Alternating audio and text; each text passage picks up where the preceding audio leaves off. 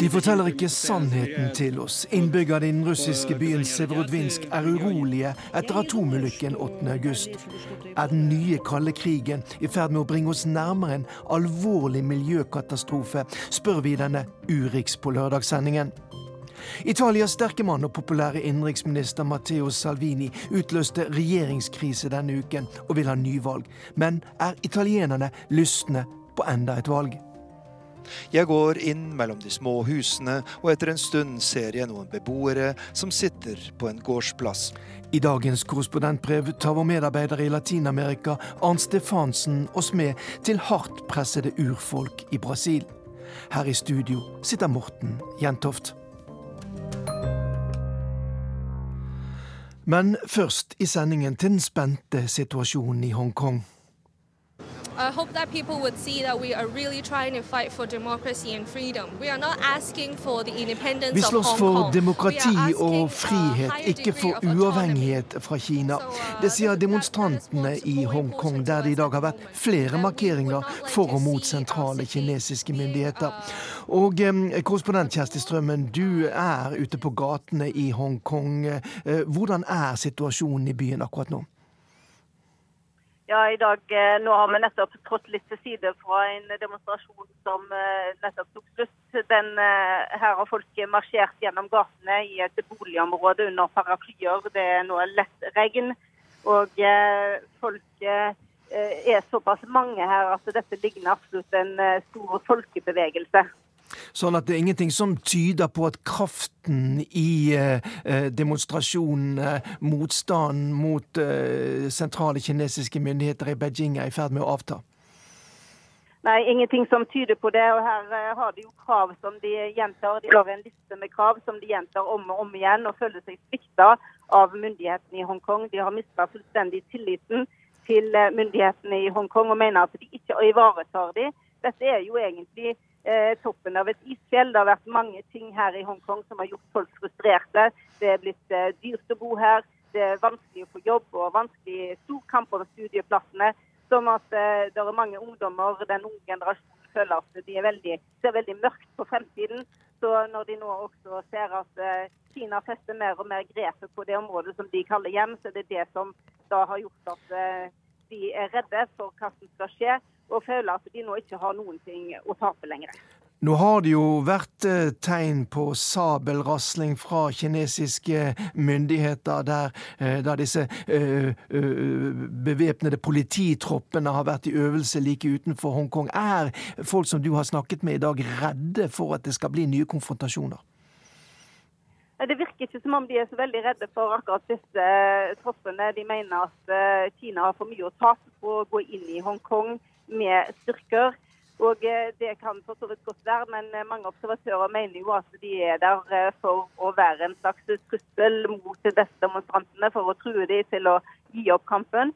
Men her er det nok òg veldig sånn stor fortvilelse blant mange her som ikke skjønner hvorfor det kan være så vanskelig f.eks. for for Hongkongs myndigheter å utføre en uavhengig gransking av politiets politivold mot eh, demonstrantene. Eh, sånn at her er det nok eh, et hav av ulike syn kan du si, på hvordan man ser på situasjonen fra Kina og fra folkene her i Hongkong. Kjersti Strømmen, du følger situasjonen i Hongkong for NRK utover ettermiddagen. I Russland har myndighetene fremdeles ikke forklart hva som skjedde sist uke da en atomdrevet rakett eksploderte på et testområde ved Kvitsjøen.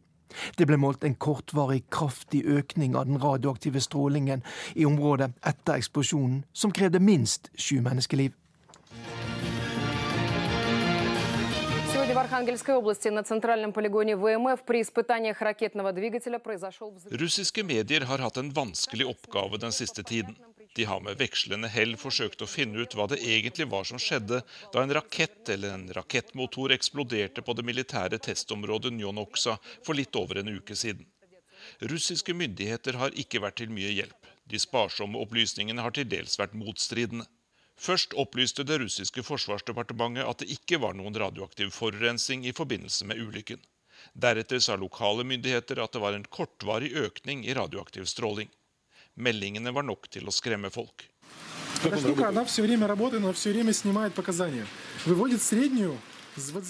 Dette måleapparatet står på hele tiden og viser både gjennomsnittet over tid og hva radioaktiviteten er akkurat nå. En av innbyggerne i byen Severodvinsk viser en journalist hvordan dosimeteret fungerer. Noen av innbyggerne i denne byen der det bygges atomubåter, har skaffet seg sitt eget måleapparat for sikkerhets skyld. Da er de mindre avhengig av informasjon fra myndighetenes side. Severodvinsk ligger i nærheten av testområdet Njonoksa, der eksplosjonen skjedde sist uke. Росатом сообщил о гибели пятерых сотрудников при взрыве на полигоне в Архангельской области. Еще трое ранены. Они получили травмы и ожоги различной степени тяжести. Etter hvert bekreftet myndighetene at fem atomfysikere hadde mistet livet i forbindelse med ulykken, og at flere hadde blitt skadd. De ble sendt til sykehus i Moskva og St. Petersburg for å behandles for radioaktiv stråling. Etter hvert skjedde det samme med legene som hadde tatt seg av de skadde på stedet. Og myndighetene innrømmet at rakettmotoren hadde en radioaktiv komponent. Да, к нам стали обращаться люди, спрашивать йод. Йод в жидкой форме и йод в таблетках. Folk kommer hit og vil ha jod, enten i flytende form eller som tabletter, sier farmasøyt Maria Pakula på et av apotekene i Severodvinsk. Hun forteller at en av innbyggerne i tettstedet som ligger rett ved testområdet, kjøpte jod til alle som bor der. Folk vil åpenbart sikre seg så godt de kan, for jod kan redusere skadevirkningene på kroppen ved radioaktiv stråling.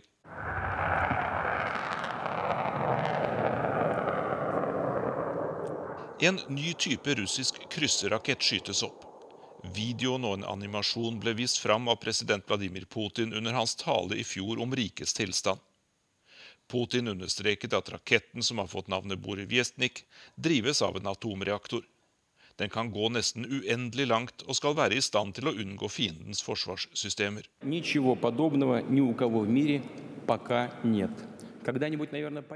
Ingen i verden har noe sånt som dette. Informasjonskaoset og hemmeligholdet rundt eksplosjonen ved Kvitsjøen har minnet litt om hvordan Sovjetunionen handlet etter Tsjernobyl-ulykken. Fremdeles har det ikke blitt sagt noe konkret fra offisielt hold om hva slags rakett det dreide seg om. Men spekulasjonene går i retning av krysserraketten som presidenten skrøt av i fjor. There will be most likely weeks further on. There were weeks, and they were happening from time to time. Uh, det kommer sannsynligvis flere lekkasjer etter hvert. Og det vil nok bli klarere hva som har skjedd, sier den russiske militæreksperten Pavel Felgengauer til nyhetsbyrået Ap. Han mener at det viktigste er å få vite hva slags radioaktivitet det dreier seg om, hvilken mengde og hvor i all verden det har blitt av. These weapons mean that they can be a source of different kind of det som har skjedd, viser at disse våpnene kan være farlige for miljøet. De kan forårsake en katastrofe uten at det har brutt ut krig, fordi de er farlige å ha med å gjøre i seg selv, sier den russiske militæreksperten. Og det sa vår korrespondent i Moskva, Jan Espen Kruse. Steinar Høybråten ved Forsvarets forskningsinstitutt er en av Norges fremste eksperter på atomvåpen. Og han forteller at tanken om dette uovervinnelige våpenet i seg selv ikke er ny. Det er i hvert fall en gammel idé. Eh, siden amerikanerne også prøvde på å gjøre noe tilsvarende allerede på 1960-tallet. Eh, hvor de hadde et tilsvarende missil og testet ut med en svær, ganske svær atomreaktor uh, på en togvogn i Nevada, og fikk den her til å gå. Og missilet og togvogna ble drevet framover. Ikke opp i luften, da? Ikke opp i lufta. De holdt seg på bakken, men de beviste på en måte at konseptet kan brukes. Men de uh, fant også ut at uh, det kanskje ikke var så kjempegod idé å gjøre dette her, fordi det ble veldig mye radioaktivitet i, i kjølvannet etter denne saken. Og den bråkte veldig mye, og var egentlig ikke så veldig praktisk anvendbar. Så amerikanerne la bort det som nå russerne da prøver å få til? Amerikanerne la bort sitt prosjekt. Vi vet jo ikke om det er akkurat det samme det russerne gjør. Russerne sier, eller Putin sa, kan vi si, i sin tale i 2018 at uh, han skulle lage et slikt missil, eller de skulle lage et slikt missil, og det skulle bruke en mye mindre reaktor. Altså Man antar at at den russiske reaktoren er eh, en brøkdel, kanskje en femtiendedel, en hundredel eller noe sånt, av det amerikanerne hadde den gangen. Men har uh, teknologien utviklet seg de siste 50 årene, sånn at uh, dette er praktisk mulig uten å forurense miljøet? Det der er et godt spørsmål. Teknologien har opplagt utviklet seg, men om det er praktisk mulig å uh, skåne miljøet, er jo en helt annen sak. Uh, og der kan man jo tvile litt da på Fordi du vil nødvendigvis måtte ha en luftstrøm som går forbi reaktoren. Hele prinsippet fungerer ved at lufta som passerer reaktoren, varmes opp og dermed gir si, skyvkraft til missilet. Og, og, det er klart at den lufta som har gått like inntil reaktoren, vil kunne risikere å bli forurenset. Men russerne tar altså tydeligvis sjansen på å, å, å prøve dette nå. Hvorfor gjør de det, tror du? Ja, vi skal jo være litt forsiktige med å si at russerne tar sjanser på å gjøre det. Vi vet ikke nøyaktig hva de egentlig holder på med. Vi har uttalelsene til Putin fra årstallene hans i 2018. Og vi har jo egentlig ikke så veldig mye mer harde fakta å, å gå etter. Man tror jo at det her missilet har vært testet. Det er mange flinke mennesker rundt omkring som har sett på satellittbilder og studert ting og klødd seg i hodet. Og, og mener at det er gjennomført en del tester, og ikke noe særlig vellykkede tester egentlig av dette her. Men uh, her er altså målt uh, ikke stor, men tross alt en ganske betydelig uh, økning i radioaktiviteten etter den eksplosjonen i forrige uke. Hva tyder det på? Ja, Det hadde vært lettere å svare på hvis vi hadde visst hva den radioaktiviteten bestod av. Altså hvilke radioaktive stoffer som var involvert. Hvis det er en atomreaktor som er i drift og har et uhell, så vil du få en, en hel haug av forskjellige radioaktive stoffer. Uh, dersom det er la oss si noe annet som har stått lenge, eller det er en helt annen type energikilde, så vil du få en, en annen ansamling av radioaktive stoffer. Og det vet vi ingenting om, egentlig. Men hva kan du si om uh, den type rakett som da Putin da viste fram i form av en, eh, en, en videoanimasjon, og som eh, det nå snakkes om at russerne prøver ut. Hva kan du si om hvordan den ser ut, hvordan den virker? Ja, Som sagt så vil den jo da Den skal jo bevege seg fort. Uh, det fine med en atomreaktor er jo at den kan gi mye energi over veldig lang tid. I motsetning til et vanlig missil som har med seg en viss mengde drivstoff, og altså bare rekker x antall kilometer før det brenner ut. Eh, så tanken fra russernes side her var vel å ha et missil som de kan sende verden rundt om nødvendig. De kan ta omveier, de kan unngå steder hvor de vet at det er missilforsvar. Og, og ramme fra en hvilken som helst side av, av, målet, om du vil også. Så det er fleksibilitet som først og fremst har lang rekkevidde og fleksibilitet. Men tror du at, eh, at, at, Putin gjennom denne talen da har lagt et voldsomt press da på eh, eh, de som da skal utvikle disse våpnene, for å få dem til, og at eh, det presset er så hardt at eh, man må kalkulere med den type ulykker som vi så da 8.8? Det er jo press, det vil jeg jo, jo tro det må være på de som skal utvikle noe. Skal jo, man skal jo helst ikke jobbe slik at det fører til ulykker, så det er vanskelig å si at presset i seg selv gjør det, men det er jo tenk, veldig tenkelig at det kan skje.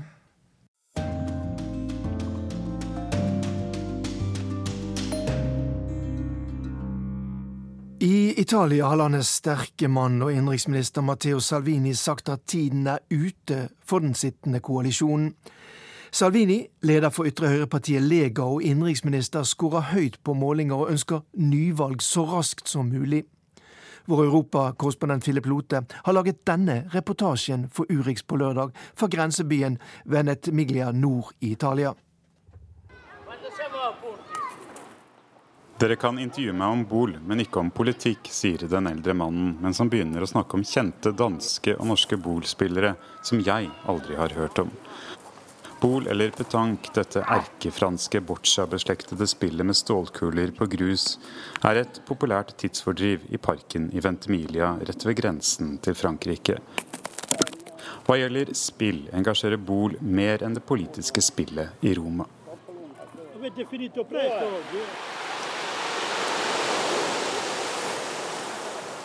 Bølgene fra Middelhavet treffer stenstranden i Ventemilia med en rytmisk forutsigbarhet. Denne sommerdagen er naturen lun og varm. Stormen er i politikken. Jeg håper på en ettpartiregjering, og at det partiet er Lega med Salvini. Han er den eneste som setter italienerne først. Luca og Roberta nyter solen og spiller volleyball på stranden sammen med venner. Luca er fra Milano, samme by som Salvini, og jobber med å levere varer, mens Roberta er fra Bentemilia og studerer biologi i Maastricht i Nederland. Luca sier motsetningene i dagens regjering er for sterke. perché ormai è una situazione instabile, non c'è un governo comunque che Selv om situasjonen er stabil, er regjeringen styrt av to politiske motsetninger. Vi trenger et nyvalg, så folket kan bli hørt. I møte med utlendinger skifter folk her i grensebyen mellom italiensk, fransk og litt engelsk. Roberta vil ikke ha noe nyvalg. Hun frykter folk vil slutte opp om Salvini og gi ham for mye makt. Because I don't support Salvini, I think many people will, will vote for him. He's trying to get more the, the whole power in his hands, in own hands, without anybody else. I Ventimiglia fikk Salvinis ytre høyreparti Lega over 30% i EU-valget i mai. Et sted mellom 38 og 40% av alle italienere sier nå de støtter Lega og Salvini.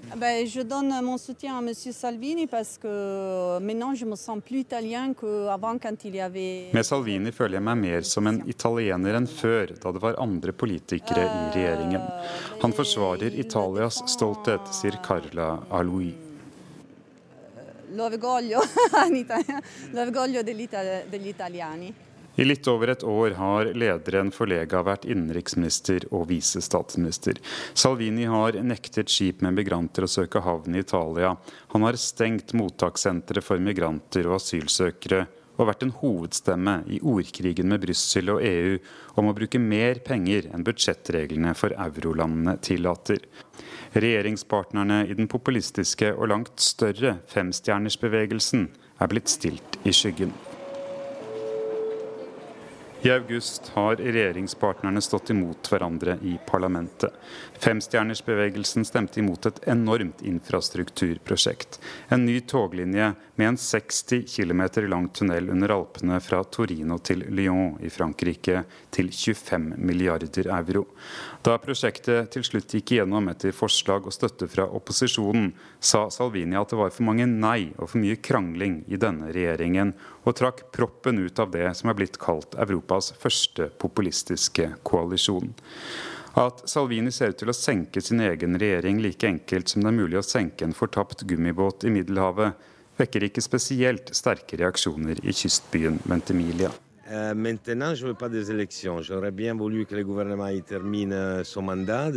Giovanni er en av Ventimilias selvstendig næringsdrivende og støtter ikke dagens regjering, Lega eller Femstjernersbevegelsen, men mener regjeringen burde ha fått fortsette.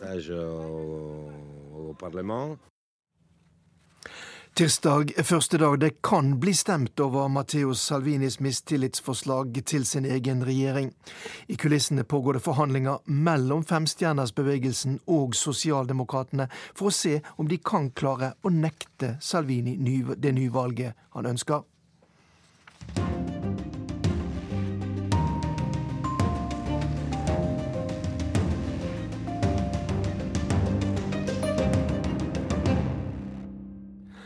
Dagens eh, korrespondentbrev kommer fra vår medarbeider i Latin-Amerika, Arnt Stefansen, og han tar oss med til hardt pressede urfolk i Brasil.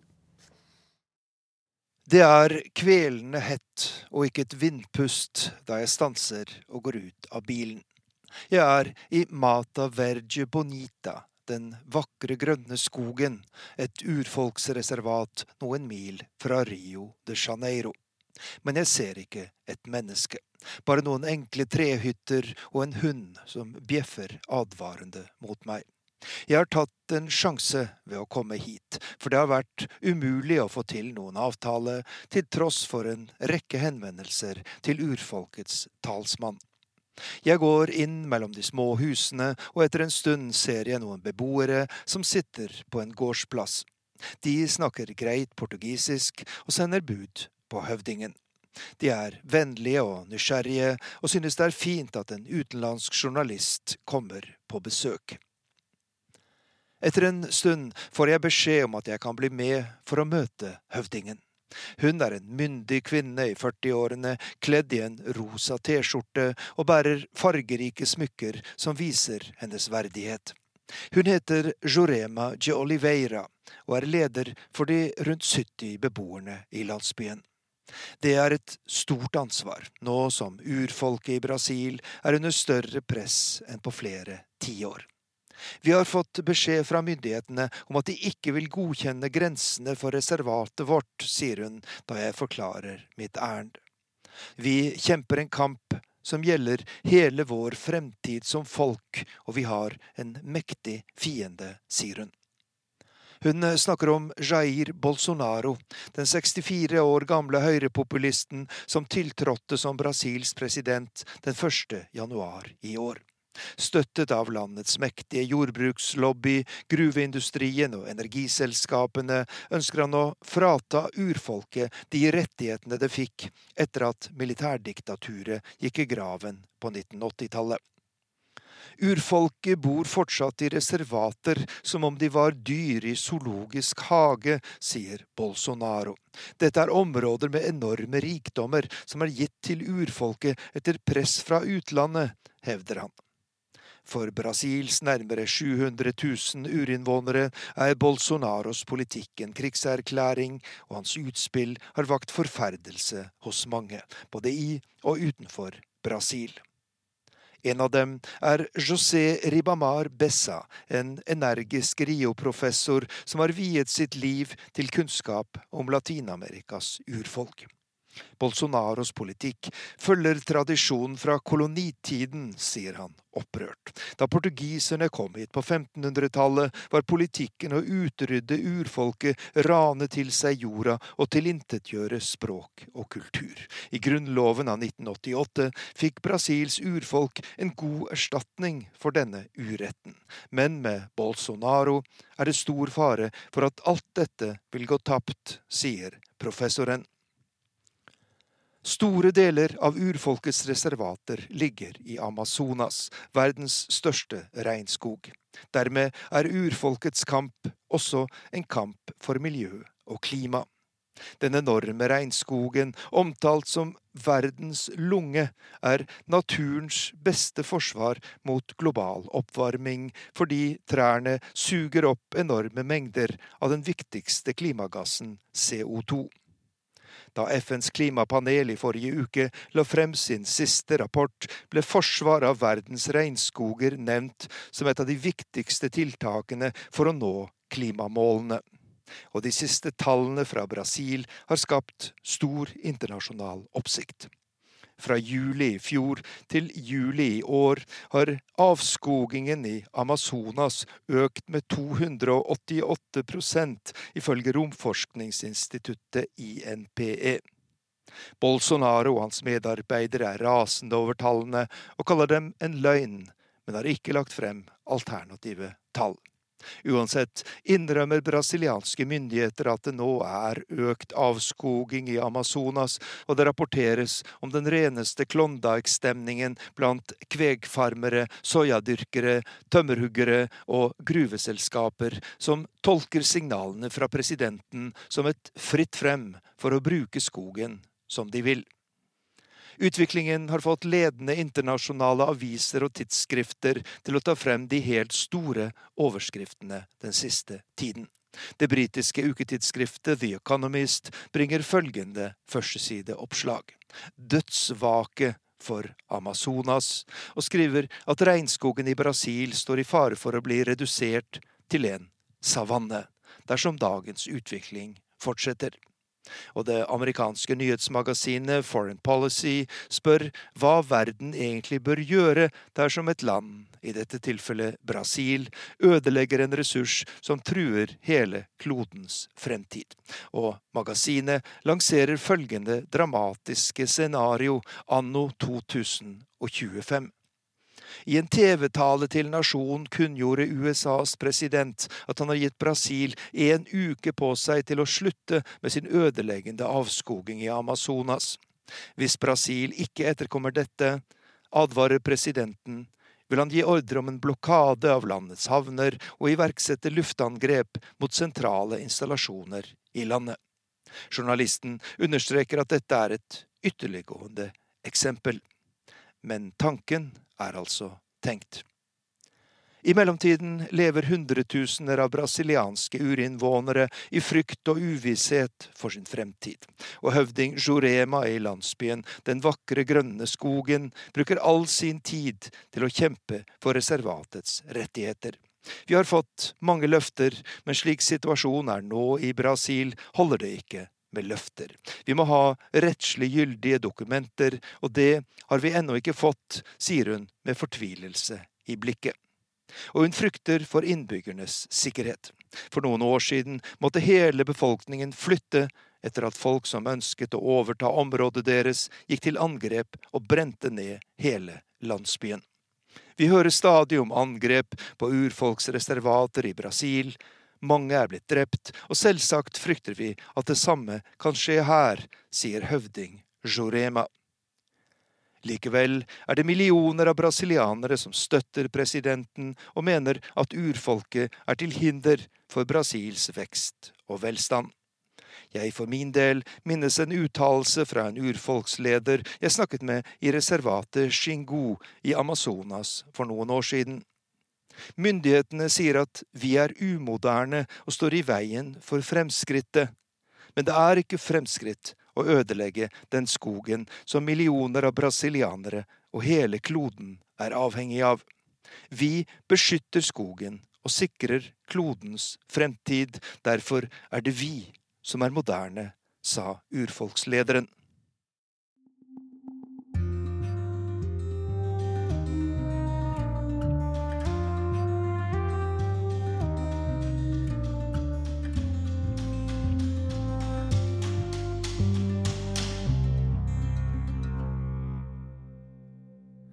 Klokken er blitt eh, halv tolv, og du lytter til eh, Urix på lørdag.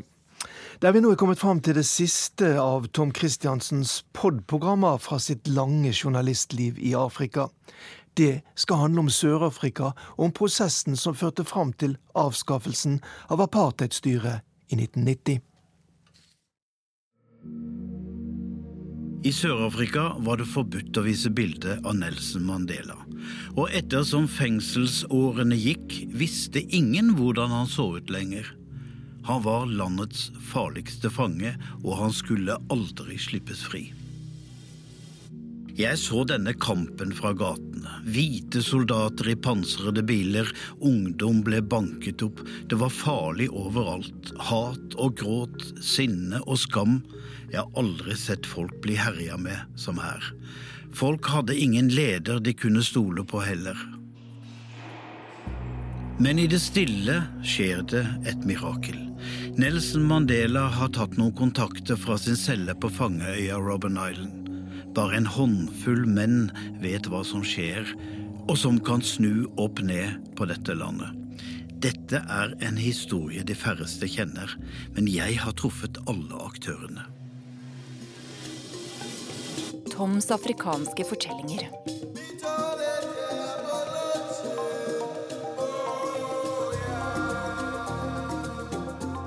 Jeg heter Tom Christiansen og er utenriksreporter i NRK.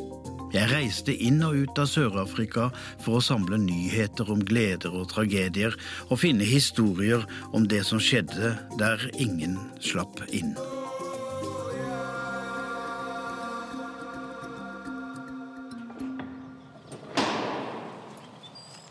Den lange mannen går gjennom sanden på dårlige sko. Nelson Mandela skal til steinbruddet på Robben Island. Han går med korthugde skritt. Det er gravstøtter på begge sider av stien fra den gang denne øya var en koloni for spedalske. I kalksteinbruddet skal han jobbe minst mulig. Denne dagen skal en av de godt utdannede politiske fangene undervise dem som aldri fikk noen eksamen før de ble arrestert for sabotasje, sammensvergelse eller terrorisme.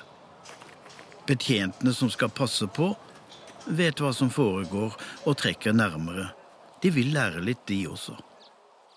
Jeg har selv gått der med Nelson Mandela, men det var 15 år seinere. Han hadde solbriller og var en fri mann. Men tilbake til den gang. Det var 1982, og Mandela har sittet fengslet i 18 år. Alle de politiske fangene satt i samme korridor og hadde en felles uteplass som de hadde omgjort til tennisbane, og hvor Mandela hadde anlagt en grønnsakshage. Han hadde skrevet sine memoarer og gravd dem ned i bedet, men bunken av toalettpapir ble funnet. Nå hadde han skrevet igjen, et brev som ingen måtte få vite om en henvendelse til justisministeren. Ærede minister Kobi Kotsi, kan jeg i all ærbødighet gjøre dem oppmerksom på noen kritiske sider ved situasjonen i landet. Nesten sånn skrev han, og viste til de svartes desperate situasjon, at all volden i landet bare kunne stanses ved å gi dem samme rettigheter som hvite. Kobi Kotsi satt storøyd og leste brevet fra mannen på øya. Den kortvokste justisministeren hadde allerede hørt ryktene om Mandela, at han var en vennlig, fredelig gentleman. Og her tilbød han seg å møte ministeren i et språk som røpet at han anså seg selv som en viktig leder. Men det var han jo, skjønte Kobi Kotsi. Jeg kjenner denne justisministeren, en bestemt, men vennlig mann. Han døde for 18 år siden. Først var han advokat, men så ble han politiker. Jeg husker at han pleide å tenke litt utenfor boksen. Det brant i gatene. Ungdom skjøt og kastet stein. Volden ble verre, og den kunne bare stanses ved å gjøre en avtale med de svarte. Kobi Kotsi sier ingenting om brevet han har fått, men treffer en beslutning. Mandela må flyttes fra Robben Island til et fengsel på fastlandet. Da blir det lettere å føre hemmelige samtaler. Men den grunnen må ingen få vite. Han sier heller at Mandela må flyttes av sikkerhetsmessige grunner. When I arrived on Robben Island, we was informed we're going to meet the biggest criminals in the history of South Africa. I didn't know about Nelson Mandela at all. Never heard the name before. Fangevokter Christo Brand er en hvit mann med bart og kakeskjorte. Han åpner døra til celle fire og sier, 'Mandela, du skal flytte'. Han fikk 20 minutter. Det var for så vidt mer enn nok til å legge sakene i en pappeske. Men Mandela ville ikke flytte. Han trengte fellesskapet med de andre lederne for Robben Island var blitt til det reneste frigjøringsbevegelsens universitet, med forelesninger og diskusjoner og planlegging av framtida. De tok han om bord i båten til fastlandet. Deretter kjørte en ventende politibil mot sør for byen, til Polsmore-fengselet. Det ligger vakkert til på ei slette under fjellene og er omkranset av vinemarker. Men innenfor holder de hardeste kriminelle til. Etter noen uker kommer tre av de andre ANC-lederne til Polsmore. Men ikke bare dem. Også Christo Brand, fangevokteren, blir overført. Han er blitt en venn av Mandela. Han var oppdratt til å tro på raseskilleideologien, men møtet med Mandela har gjort en forskjell. Fangevokteren er blitt en tilhenger av sin fange. Christo Brand sitter ofte i møte med Mandela. De snakker om smått og stort, om familien. Mandela vil at kona til fangevokteren tar seg utdanning, og at sønnen deres må være flittig med leksene. Han passer på deres fødselsdager og sender brev ved høytidene. Når Christo tar med seg sønnen på jobb, går de innom Mandela, for han har alltid sjokolade. Til gjengjeld har Mandela fått ha sitt barnebarn på fanget under et besøk. Det var forbudt. Fanger skulle ikke ha kontakt med barn, de fikk ikke engang ha bilder av egne unger. Jeg har siden sett Mandela med barn. Han blir helt oppslukt, legger alt annet til side og snakker med dem med en respekt som er sjelden vare. Mandela har fått en hel avdeling for seg selv. Den består av to sykerom, malt i grønt med behagelige møbler og med trimapparater. Er det luksus, eller er det sikkerhet? Mandela ber om å få spasere i fengselets store hage. En rekke sikkerhetsvakter blir utplassert siden motorveien går rett forbi. Det ble for goldt innendørs, syns Mandela. Luftegården var av betong, og alt du så var en blå himmel. Utenfor murene var det unntakstilstand. Etter opprøret i Soveto i 1976, hvor politiet drepte flere hundre skoleelever, mistet de kontrollen. Det var krig i de svarte bydelene, og den eneste som kunne stagge disse ungdommene, han satt i fengsel. Det internasjonale samfunnet reagerte over apartheidregimets brutalitet. FN innførte straffetiltak og forbød handel med sørafrikanske varer. Verden med unntak av USA og Storbritannia, sluttet å investere i Sør-Afrika, sendte aldri musikere, idrettsfolk eller forskere dit. Justisminister Kobi Kotsi så tegnene og skjønte at de måtte finne løsninger med Mandela. Han skjønte også at dette ikke kunne være et soloprosjekt. Han måtte informere president P.W. Bota om sine kontakter. Bota var hard i klypa og ble kalt Krokodillen, men han sa ja. Hold kontakt med Mandela, få vite hva de driver med, hva er planen deres? Kobikotsi bestilte en skredder til Polsmor. Mandela er en krevende fange men han imponerer. Disiplinert og bestemt, pålitelig og høflig.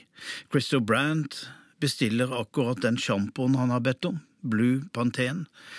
Så blir Mandela syk. Han har hatt mye trøbbel med synet, men nå er det prostataen. Han må innlegges for en operasjon og bli fraktet til Folkshospitalet. Det er et lite sykehus midt i byen, omgitt av palmer. Mandela stiller ikke mange krav, men ber om at han må få besøk av sin kone. Det innvilges, og Vinni Mandela setter seg på flyet fra Johannesburg. Det tar to timer til Cape Town. Justisministeren er tilfeldigvis på samme fly, plassert på første rad. På vei til flytoalettet får Kotsi øye på Vinni. Han inviterer henne fram, og folk sperrer opp øynene. Han er vennlig. Hvordan står det til, fru Mandela, jeg hører mannen er syk? Jo, hun skal besøke ham, og så forteller Vinni om livet sitt, hvordan det er å bli plassert i et fattig rasereservat, hvordan det er å ha politiene henge rundt hvordan folk lider, hvor farlig alt er blitt. Kotsie sier lite, han nikker, han vet jo alt dette, han har mottatt flere brever fra hennes advokat om å få mannen benådet på grunn av helsa. Det er første gang de møtes. Her sitter de, ANCs fremste aktivist og samfunnsfiende. Hun snakker med apartheidregimets fremste utøver av rå statsmakt, midt i unntakstilstanden Sør-Afrika. Vinni ber ham om å ta kontakt med Mandela. Hvor fornuftig syns du det er å holde folkets ledere i fengsel?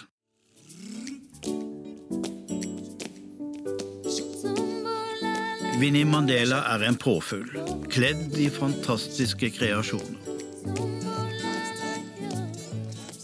Jeg har alltid syntes hun virker arrogant, men hun er dronning og lady, nasjonens mor. Og hun er ikke underdanig overfor hvite slik afrikanere har en uvane med å bli. Vinni er sjefen. Og nå drar hun opp til sykehuset. Tredje etasje er helt avstengt og har bare én pasient. Utenfor er det væpna politi, soldater og militærbiler med pansrede vinduer. Hun sitter på sengekanten. Han syns det er godt å være utenfor murene, men er mer opptatt av hvordan det er i Soweto, hvor han kommer fra. Hvordan har hun det i Branford, dit hun er blitt forvist? Han er mer bekymret for henne enn seg selv. Etter visitten kjører en svart limousin opp mot sykehusets resepsjon. Det er Kobi Kotsi. Mandela blir varslet, og det er som det rykker i hele sykehuset.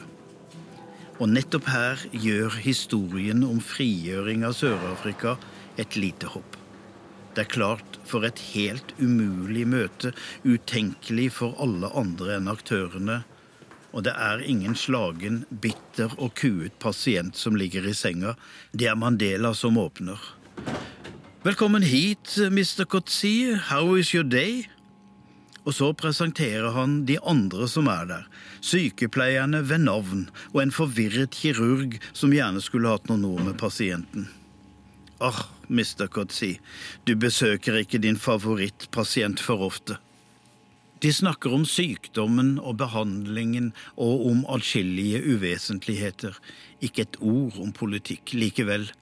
Isen ble brutt i dyp hemmelighet. Jeg har siden fått lese Mandelas dagbok. Han skrev mye fra denne dagen, blant annet dette.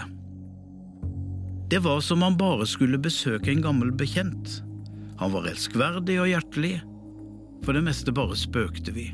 Men selv om jeg lot som om dette var verdens mest normale hendelse, var jeg forbløffet.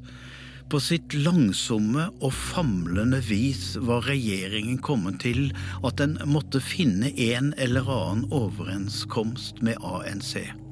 Kotsies visitt var en oljegren. Skredderen er kommet. Han blir låst inn gjennom alle sikkerhetsdørene i Polsmoor-fengselet. Han skal ta mål av fangen.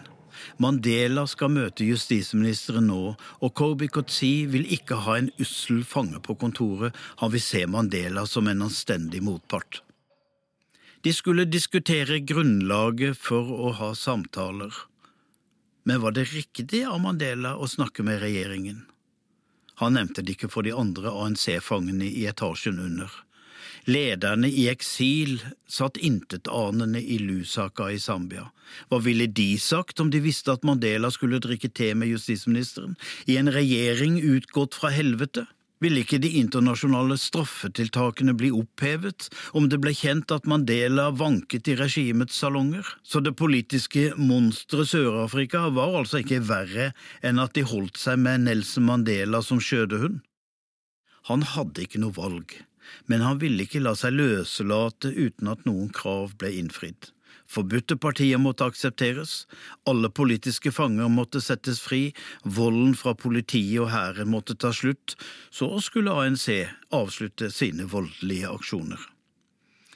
Det ble til 40 40 møter mellom Mandela og Kotsi, og ingen fikk vite om det, for politistaten Sør-Afrika hadde vanntette skott og store rom for hemmelighold.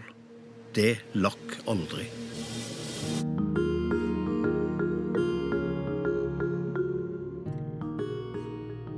En dag kommer fengselets visekommandant, major Gavi Marx, til Mandelas celle. Mandela, vil du se byen? Han hadde ikke sett mer av Cape Town enn det han fikk med seg gjennom vinduet på politibilen når han skulle til tannlegen, men dette var nytt. Kobi Kotsi hadde instruert fengselet om å lette veien tilbake til samfunnet for Mandela. Han burde se hvordan verden så ut. De trengte ikke biler med sotede glass. Ingen ville gjenkjenne Mandela likevel. Det er ikke noe påfallende at en hvit mann kjører rundt i en enkel bil med en svart, gråhåra mann ved siden av. De drar over fjellene og ned mot Hot Bay, videre mot Camps Bay, og Mandela kan for første gang se Robben Island fra landsiden. Nå er han her, i de bydelene han i årevis har sett mot og drømt om å komme til. Jeg spurte Mandela en gang hvordan det var plutselig å se livet utenfor fengselet. Han var mest fascinert av å se folks små gjøremål. En gartner klipper en hekk. En ungdom lufter hunden. Et barn som må trøstes. Cape Town er travel, men de kjører opp i fjellsiden hvor det er færre folk. Ved en butikk spør Marks bak om Mandela vil ha noe kaldt å drikke. Mens han handler, sitter Sør-Afrikas farligste forbryter alene i bilen med nøklene i låsen. Han kan bare stikke. Men han gjør det ikke. Det ville være å bryte tilliten han ble vist, fortalte han seinere. Og dessuten, det var ikke slik han skulle vende tilbake til det sørafrikanske samfunn. Nå prøver president P.W. Bota en vri.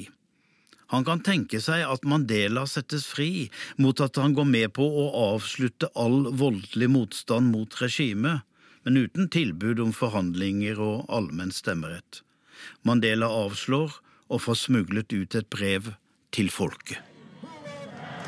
Det blir opplest for en fullsatt stadion i Soveto, hvor folk er samlet til salmesang og bønn.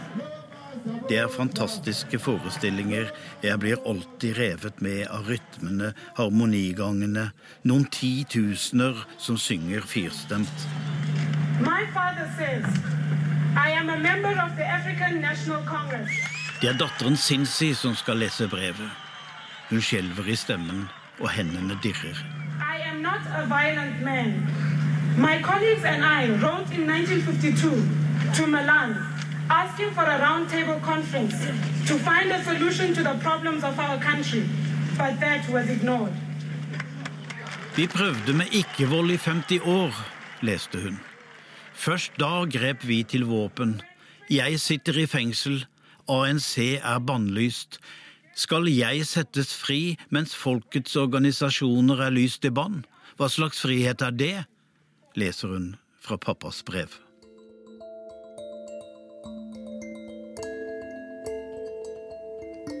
Det ble nye bilturer. Mandela lærer om en verden med trafikklys og kredittkort, miniskjørt og supermarkeder. Bare én gang blir han gjenkjent på en bensinstasjon. En mann stirrer og stirrer på passasjeren. Mandela ser tilbake og nikker. Så setter den andre opp et jubelsmil, og så for Mandela videre.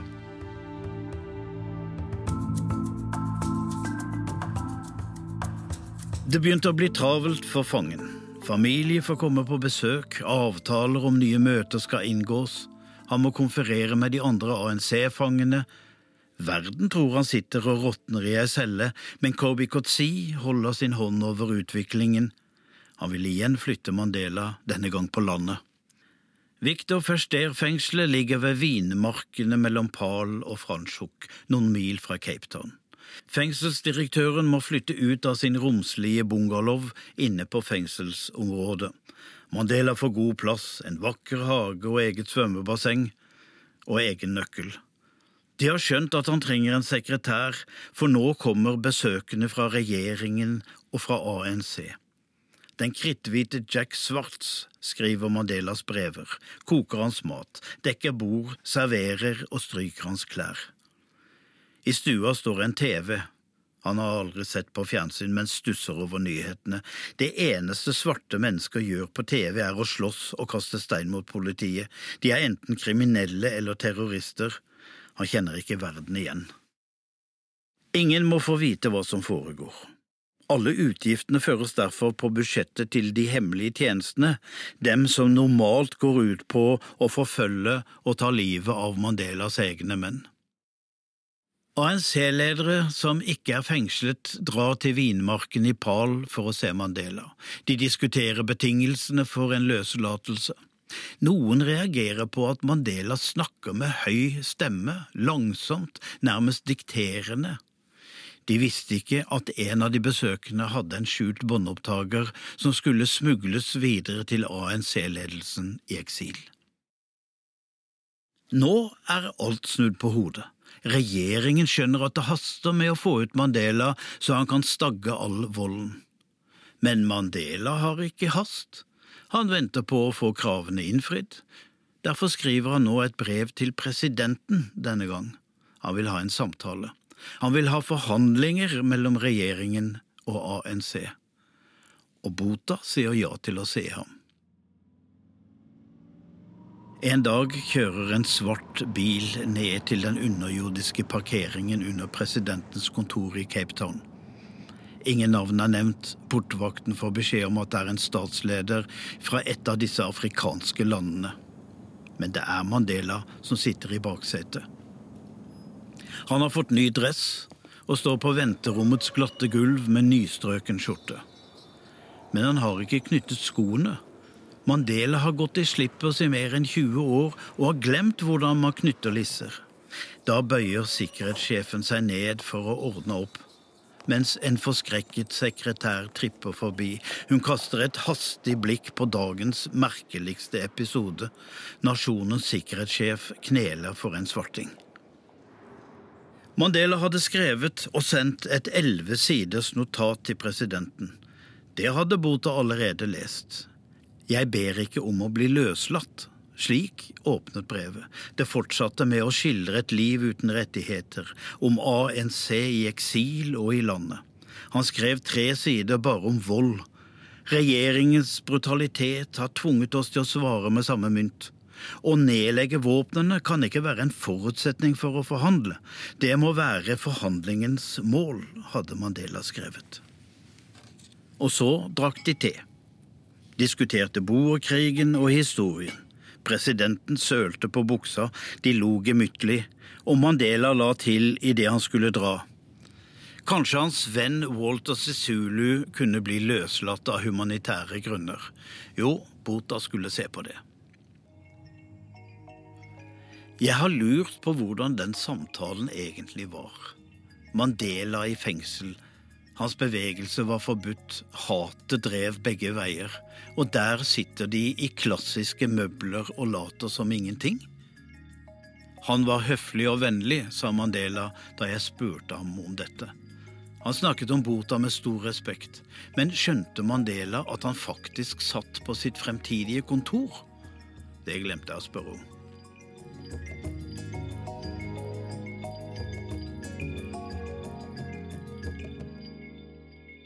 PW Bota var svekket. Han hadde hatt slag, og det tok ikke lang tid før han ble skiftet ut som partileder og president. FW de Klerk inntok hans kontor. De Klerk hadde hatt posisjoner som gjorde at han kjente de hemmelige militære tjenester og alt som var blitt gjort for å stanse ANC. Men han mente apartheidpolitikken hadde feilet, de finansielle straffetiltakene holdt på å knekke økonomien, og driften av de svarte bantustans, rasereservatene, var dyr, og folket sloss. Men så var det én grunn til. ANC hadde samarbeidet med kommunistpartiet, og nå var Berlinmuren nede. Verdenskommunismen var avviklet, den viktigste grunnen til forbudet mot ANC var dermed borte.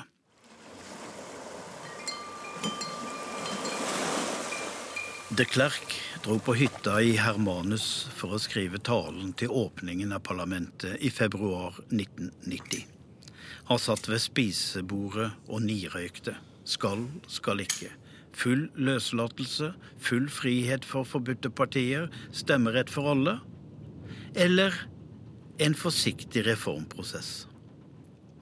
Han skrev to taler, og han diskuterte med noen få det var full splid. Noen trodde han var gal. De hadde aldri hørt om en statsleder som frivillig ga fra seg hele makten. De Klerk går i parlamentet med den ene talen. På galleriet sitter diplomatfruer og politikernes ektefeller med svære hatter. De kan se ned på en rastløs de Klerk. Kobi Kotsi hadde vært bortom presidenten og klappet ham på skulderen. Lufta dirrer. I fengselet sitter Mandela og følger TV-overføringen. Og så får de Klerk ordet. Han taler lenge, og uten retorisk svev. Om økonomi og infrastruktur. Volden, drastiske tiltak trengs. Men så kommer han til poenget, og verden lytter. The prohibition of the African National Congress, the Pan Africanist Congress, the South African Communist Party, and a number of subsidiary organizations is being rescinded. People serving prison sentences merely because they were members of one of these organizations. Forbudet mot African National Congress, Pan-Africanist Congress og det sørafrikanske kommunistpartiet skal annulleres. Han ser ikke at hans egne representanter forlater salen i protest. Journalistene sitter på bakrommet og følger teksten i de Klerks manus. Veteranene, de liberale redaktørene som har fulgt apartheids vekst og nå fall, ser på hverandre, tar av seg brillene, og så nikker de med en tåre i øyekroken. He did it. Ja, det var det de sa. Jeg har spurt dem.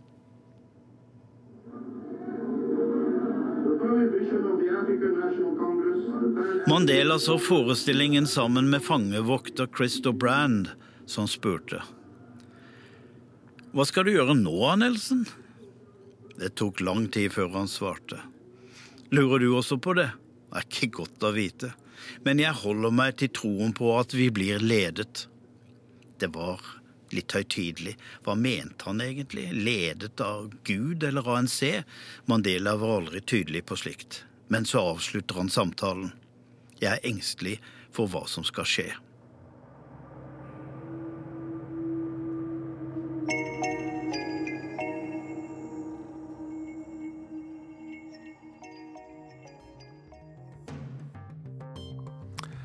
Da går denne Urix på lørdag-sendingen mot slutten. Demonstranter er ute på gatene for demokrati, som vi har hørt i kinesiske Hongkong, men også i den russiske hovedstaden Moskva. Dette kan du selvfølgelig følge med på både her i NRK Radio, på nrk.no og på våre TV-sendinger utover kvelden. Du kan høre både korrespondentbrev og deler av denne sendingen igjen på P2 klokken 16.30 i dag. De som sørget for at denne Urix på lørdagssendingen kom på luften, var Ingvild Ryssdal og Finn Lie i kontrollrommet, og Morten Jentoft her i studio.